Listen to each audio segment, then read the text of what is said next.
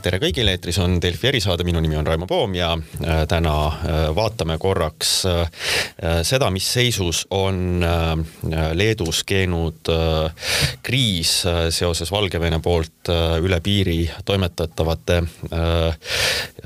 siis inimestega, kes on põhjustanud seal palju häda. ja selles suhtes on väga hea meel Delfi stuudios tervitada Riigikogu väliskomisjoni esimeest Marko Mihkelsoni, kes on sisuliselt mõne tunni eest saabunud äh, Leedust, äh, koha pealt käinud piiril, kuulnud täpselt, äh, mis seal seis on, mis toimub. Ähm, tere hommikust, Marko tere hommikust! ja võib-olla alustakski sellest, et, et tegelikult jaga seda, seda, mida sa seal nägid, mis, mida sulle näidati, mis seal piiril hetkel toimub. ma vaatasin, et sotsiaalmeedias eile õhtul sa panid isegi üles pildi sellest, kuidas teile vist jäi nii-öelda kohaliku siis piirivalvekeskuse külastamise ajal lausa kaamerasse see, kuidas Valgevene võimud siis üritasid ajada neid vaeseid siis kohale toodud pagutud iraaklasi ja teisi üle piiri Leedu poole. Ja ma pean ütlema, et see eilne päev äh, hommikust äh, hilisõhtuni äh, Vilniuses ja tegelikult siis Leedu-Valgevene piiril oli, oli üli, ülimalt huvitav, et kogu see sõit tegelikult idee tekkis vaevalt nädal aega tagasi, kui me kolmekesi siis Leedu, Läti ja, ja, ja Eesti väliskomisjonide esimehed parlamentidest otsustasime, et, et kuna tegemist on ikkagi tõesti viimase kolmekümne aasta ühe tõsisema julgeolekut, meie kõigi julgeolekut puudutava olukorraga, mm, siis parim viis sellest ühtviisi aru saada on kohal käia ja oma silmaga näha, millises seisus on hetkel olukord Valgevene-Leedu piiril, saada põhjalik ülevaade Leedu siis piirivalve juhtidelt.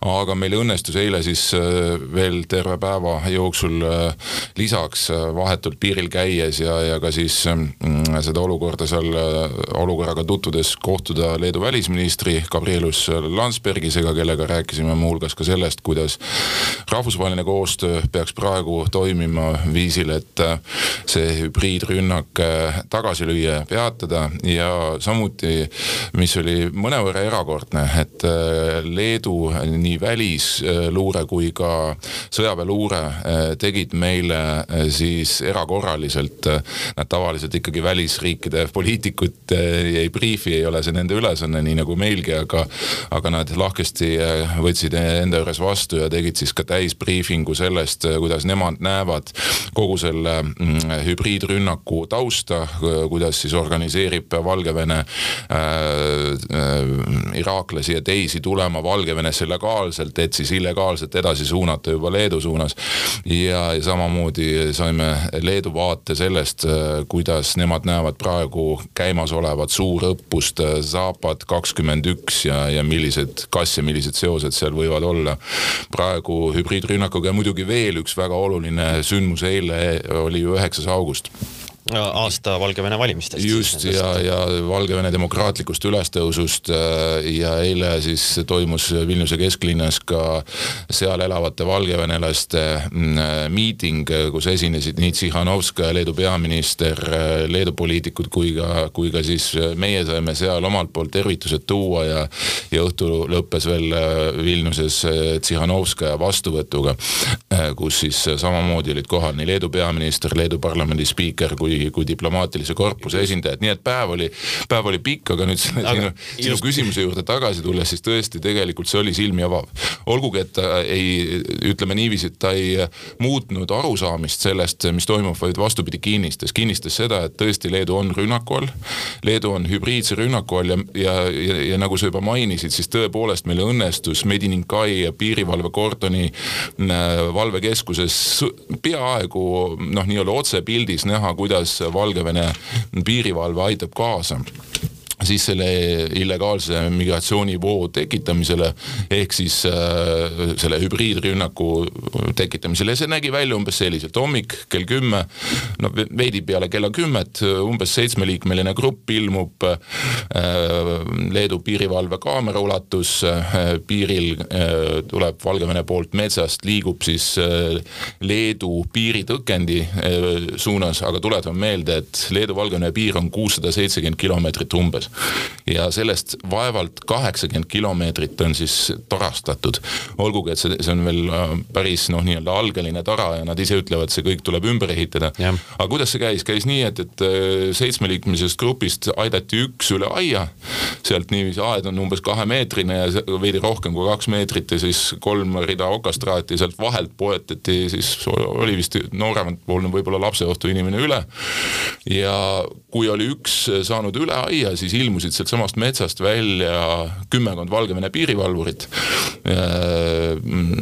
ja mis oli tõesti nagu silmatorkav, noh piirivalvuritel ju tavaliselt ei ole kumminuiasid ega kaitsekilpe ega kiivreid peas.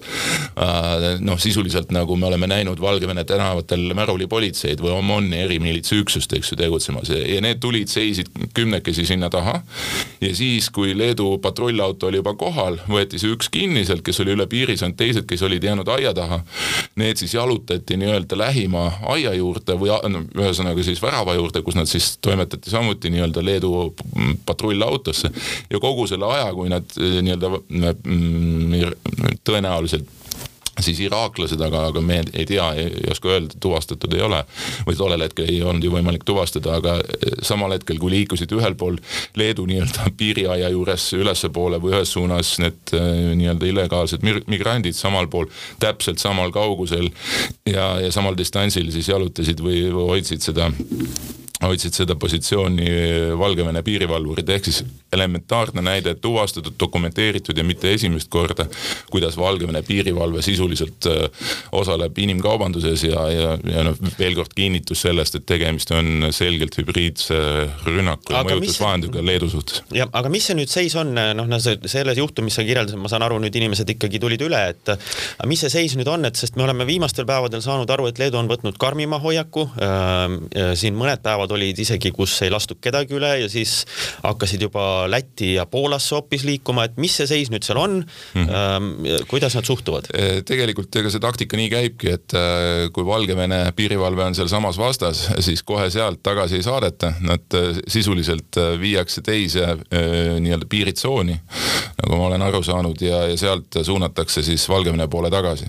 et, et vältida siis sellist noh, saate ise aru, selline pinge, temperatuur temperatuur äh, just nimelt piirivalvurite kontekstis on, on päris kõrge. ja, ja pinnas igasuguseks selliseks provokatsiooniks või vahejuhtumiks või relva kasutamiseks on ju, on ju olemas. Äh, ja, ja seetõttu Leedu pool loomulikult äh, püüab vältida igasugust sellist noh, ajendit mingisuguseks provokatsiooniks. me, me ju teame, et Valgevene on kas insineerinud või vähemalt teavitanud maailma, et justkui üks iraaklane Leedust tulles on äh, surnud. keegi pole tuvastanud tegelikult, kas see päriselt tõsine lugu on või mitte. aga fakt on see, et äh, noh, kõik märgid ka praegu veel näitavad, et need tuhanded iraaklased, kes jätkuvalt viibivad Valgevene territooriumil ja nagu näha, et Lukašenko ei taha ka neid lasta tagasi Iraaki nende tühjade lennukitega, mis sinna on saadetud. siis äh, igal juhul on eesmärk oma naabreid, mitte ainult siis Leedut, aga me näeme, et see surve on kasvanud nii Lätile kui Poolale äh,. seda survet suurendada, minu teadmisel, parimal teadmisel eilsetest kohtumistest nii Poola kui Läti on valmis rakendama täpselt sama taktikat, nagu äh, seda nüüd Leedu viimased seitse päeva teinud, ehk siis piirilt, kui toimub illegaalsete piiriületajate tuvastamine, et nad on piiril, tahavad üle tulla, et nende vastuvõtmisest keeldutakse ja saadetakse nad tagasi teavitusega, sama, sama taktikaga, mida kasutas Hispaania Marokost tulnud põgenike või noh, nii-öelda illegaalse voo tagasisurumiseks, öeldes, et olge head, kui soovite asüülitaotlust, palun äh, lähimasse ametlikku piiripunkti ja sealt äh, siis esitage oma taotlus. Mm.. Ähm, aga ähm, kuidas nagu nagu Leedul või see mulje nüüd jäi, et, et äh, ega see noh, nagu ütledki, surve ei ole ju läinud. Äh, me teame, Leedus on, ega Leedul ei ole ka ressursse ju piiramatult ja, ja noh, see piir on peaaegu seitsesada kilomeetrit pikk.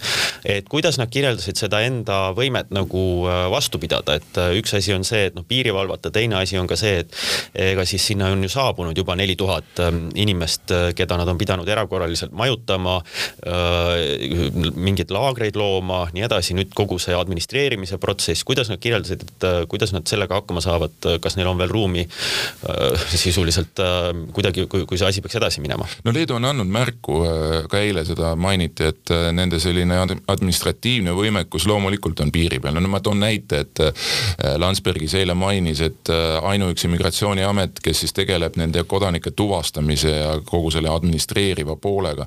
et tavapäraselt on Leedus, tegeleb sellega kokku riigi peale viisteist inimest, praegu äh, erakorraliselt otsitakse viitekümmend uut inimest tööle äh,. Need äh, illegaalid on äh, paigutatud neljakümnesse erinevasse väiksemasse, suuremasse äh, siis äh, nii-öelda laagrisse või kinnipidamiskohta, sageli on nad, nagu me eile näiteks nägime, piirivalve kordoni territooriumil. kordoni enda peamaja territooriumil, muideks sealsamas, kus kohas me nägime siis seda, neid kaadreid valvekeskuses ähm, piiriületusest, sealsamas territooriumil siis elab praegu umbes sadakond, äh, peamiselt Iraagist, äh, ka Süüriast äh, tulnud illegaali. ja, ja eile me nägime ja need tingimused on muidugi sellised, et kui kohe tuleks talv, siis nad oleks päris kehvas olukorras, sest mm -hmm. telgid on ju kütmata ja, ja, ja soojustamata ja, ja aga samas me nägime, et piirivalve kooli juurde sealsamas äh, piiriäärses piirkonnas, äh, siis rajatakse äh, konteinerlinnakut staadionile. piirivalvekooli väljaõppestaadion on siis muudetud ajutiselt, muudetakse laagriks, seal oli juba praegu kohale toodud kakssada soojakut, konteinerit, kuhu nad sellel nädalal paigutavad esimesed ja sinna peaks tulema umbes tuhatkond. Leedul on muidugi probleem, et näiteks isegi teised maakonnad või, või vallad ei, ei soovi nii-öelda riigisisest ümberjaotamist ja, ja poliitiliselt loomulikult on arusaadavalt see tundlik teema, mistõttu ka tegelikult see peamine tähelepanu, mis praegu Leedu poliitikutel on, on see, et esiteks panna piir äh, siis piiriületusele, anda signaal, et Leedu ei ole roheline kanal Euroopasse pääsemiseks, see on siis see taktika tagasisaatmise osas.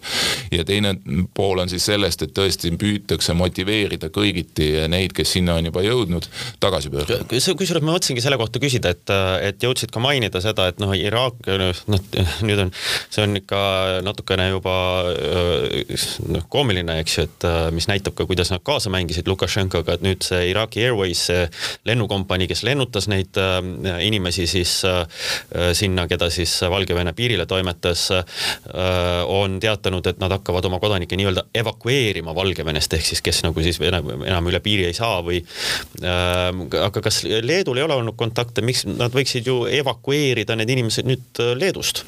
Eks Leedu töötab eh, loomulikult diplomaatiliselt eh, ka Iraagi valitsusega ja, ja mitte ainult siis Leedu valitsus ja, ja diplomaatia ei ole selle taha rakendatud Euroopa Liidu tasand, ka Eesti on siin diplomaatiliselt püüdnud seda teemat teadvustada nii Iraagi kui Türgi valitsusele, sest päris arvestatav voog on mitte ainult siis otselendudega tulnud Iraagist, vaid ka läbi Istanbuli. Et äh, Istanbulist on ka märkimisväärne osa nii iraaklastest kui ka tegelikult siis äh, no mõnest äh, muust riigist pärit illegaale jõudnud sinna, aga mis on muidugi ja, ja Venemaalt. Är,. ärme unustame seda, et ka Venemaalt on tegelikult tulnud inimesi, ehk siis see rahvusvaheline organiseeritud kuritegevus inimkaubanduse osas on pandud, rakendatud Valgevene nii-öelda antud hetkel siis Lukašenko režiimi huve teenima. Et äh, Lukašenko režiim endi, äh, ilmselt suure tõenäosusega eriteenistuste nii-öelda operatsioonina on, on avanud äh, smugeldajatele siis ühe kanali, mille kaudu käib noh, ametlikult saadakse ju Valgevenesse tulekuks viisa ja Minskis elatakse hotellides. muus, muuhulgas on väga hästi näha tegelikult hotelli täituvuse pealt, kuidas, kuidas siis need ähm, illegaalid liiguvad Minskisse, sealt edasi piiri suunas ja ütleme sellistel no väga üldistavatel andmetel praegu võiks eeldada, et Valgevene territooriumil on jätkuvalt äh, kusagil viie-seitsme tuhande iraaklase ringis. Ja, ja võib-olla kõige kriitilisem koht, mida praegu jälgitakse ka Leedust, on Grodno piirkond, kus äh, väidetavalt asub umbes tuhatkond iraaklast ja üks kartus on, et võib-olla kasutatakse ka mitte sellist nii-öelda üksikute gruppide taktikat, praegu on piiriületused toimunud, noh, kõige suurem grupp, nagu Leedu piirivalve ütles, korraga tuli seitsekümmend mm. -hmm. aga tavaliselt on nad kuskil kümneliikmelised grupid, on kindlad kellaajad päeval kolmes perioodis, öösel kella kolmest hommikul kella, kella kuskil viieni, siis seitsmest kümneni hommikul ja siis pärastlõunal on umbes sellised ajad, kus kohas on näha, märgata sellist äh, suuremat aktiivsust.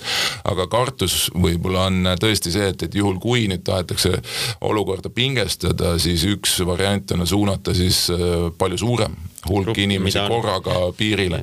aga Leedu on selleks valmis, nad on ka selle läbi mõelnud, et kuidas nad siis käituksid, kui nii suur hulk tuleks korraga piiri. just, aga äh, meil on äh, aega veel äh, lühidalt äkki peatuda ka sellel, et et noh, kuna sa mainisid, et Leedus tehti väga hea ülevaade kõigist, mis toimub ähm,. ja, ja ka seda, et eile sai siis täis täpselt aasta nendest valimistest, võltsitud valimistest, kus siis, millest käivitus äh, Valgevene revolutsioonipüüe ja, ja ja äh, võib-olla, mis nüüd sa saad seal Leedus käies ja inimestega suheldes äh, selle järel öelda, et mis seis valitseb Valgevenes ja, ja kuhu see diktaator siis nüüd äh, edasi võib minna, et noh, ma kujutan ette, et eks talle teeb tuska see, kui Leedu paneb piiri otsutavalt kinni.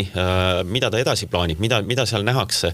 Ähm, kas Valgevenes võib üldse mingisugust muutust tulla või, või paraku istub ta väga kindlalt oma positsioonil ja meil tuleb sellise ettearvamatu tegelasega arvestada aastaid ja aastaid? see on väga hea küsimus ja ka sellel teemal eile tegelikult õnnestus mitme Euroopa äh, diplomaadiga, kes on äh, Valgevenest välja saadetud ja kes praegu resideeruvad siis äh, Mins-, vabandust, Vilniuses, rääkida ja, ja, ja mul oli umbes sama küsimus nagu sul praegu, et, et mis siis ikkagi see seis on. ja üks väga kõrge Euroopa diplomaat ütles kolm tegurit tegurit, äh, mida võiks ja peaks jälgima ja siis teha selle põhjal hinnang. esiteks, kas inimesed on Valgevenest täna tulemas tänavatele? Vastus ei ole ja ei ole mitte sellepärast, et nad ei tahaks tulla ja nad ei tahaks äh, Lukašenkot äh, saata võimult. see teadmine, tahtmine püsib, seda kinnitavad kuussada pluss poliitvangi, jätkuvad repressioonid ka diplomaatide suhtes, sisuliselt kasutas seesama diplomaat sõna, et Valgevenest on noh, peaaegu saamas koonduslaager. kogu, kogu selline kodanikuühiskond on ju täielikult likvideeritud või alla surutud. teiseks, kas revolutsioon eliidi tasandilt on võimalik, kas Lukašenko lähikonnas on kedagi, kes noh, kutsuks esile mingisuguse muutuse, ei ole. seda ei ole praegu kusagilt näha. Ja kolmas tegur on Venemaa kas äh, Venemaa käitumine näitab miskit, äh, millega ta võiks mõjutada äh, siis Lukašenko kuidagiviisi, no ütleme siis võimu ülemineku protsessi ja seda ka hetkel näha ei ole. ja kui ma küsisin, kuidas siis nende sanktsioonidega on, eile ju USA rakendas omalt poolt sanktsioonid Leedu suhtes, siis. Valgevene suhtes. vabandust, Valgevene suhtes jah, et, et siis ähm, vastus oli selline, et kuna need ei ole veel surunud Lukašenkot tegelikult nurka just nimelt sektoriaalsed majandussanktsioonid on siiski ajaviitega.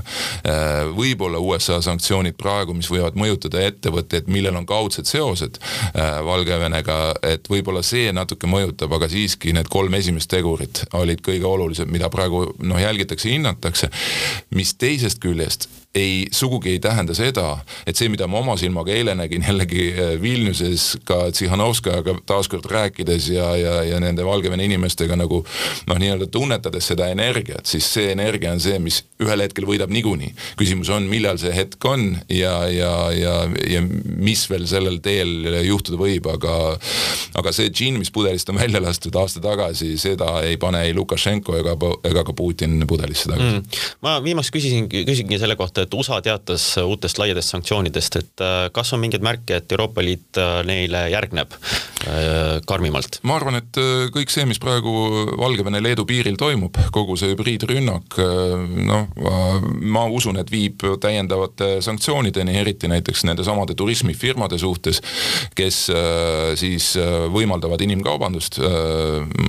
ja, ja ma arvan, see on ka üks tegur, mis võib-olla mõjutab natukene ka Iraaki ja Iraagi valitsust, sest küsimus ei ole siis ilmselt mitte ainult nendes firmades, kes tegutsevad Lukašenko režiimi all Valgevenes, aga ka, aga kes soodustavad rahvusvahelist inimkaubandust. E, aga ma usun, et ega see teema, mm, see teema ja, ja kogu see küsimus, võib-olla siit tundub, et, et Leedu on suutnud teatud mõttes stabiliseerida olukorra.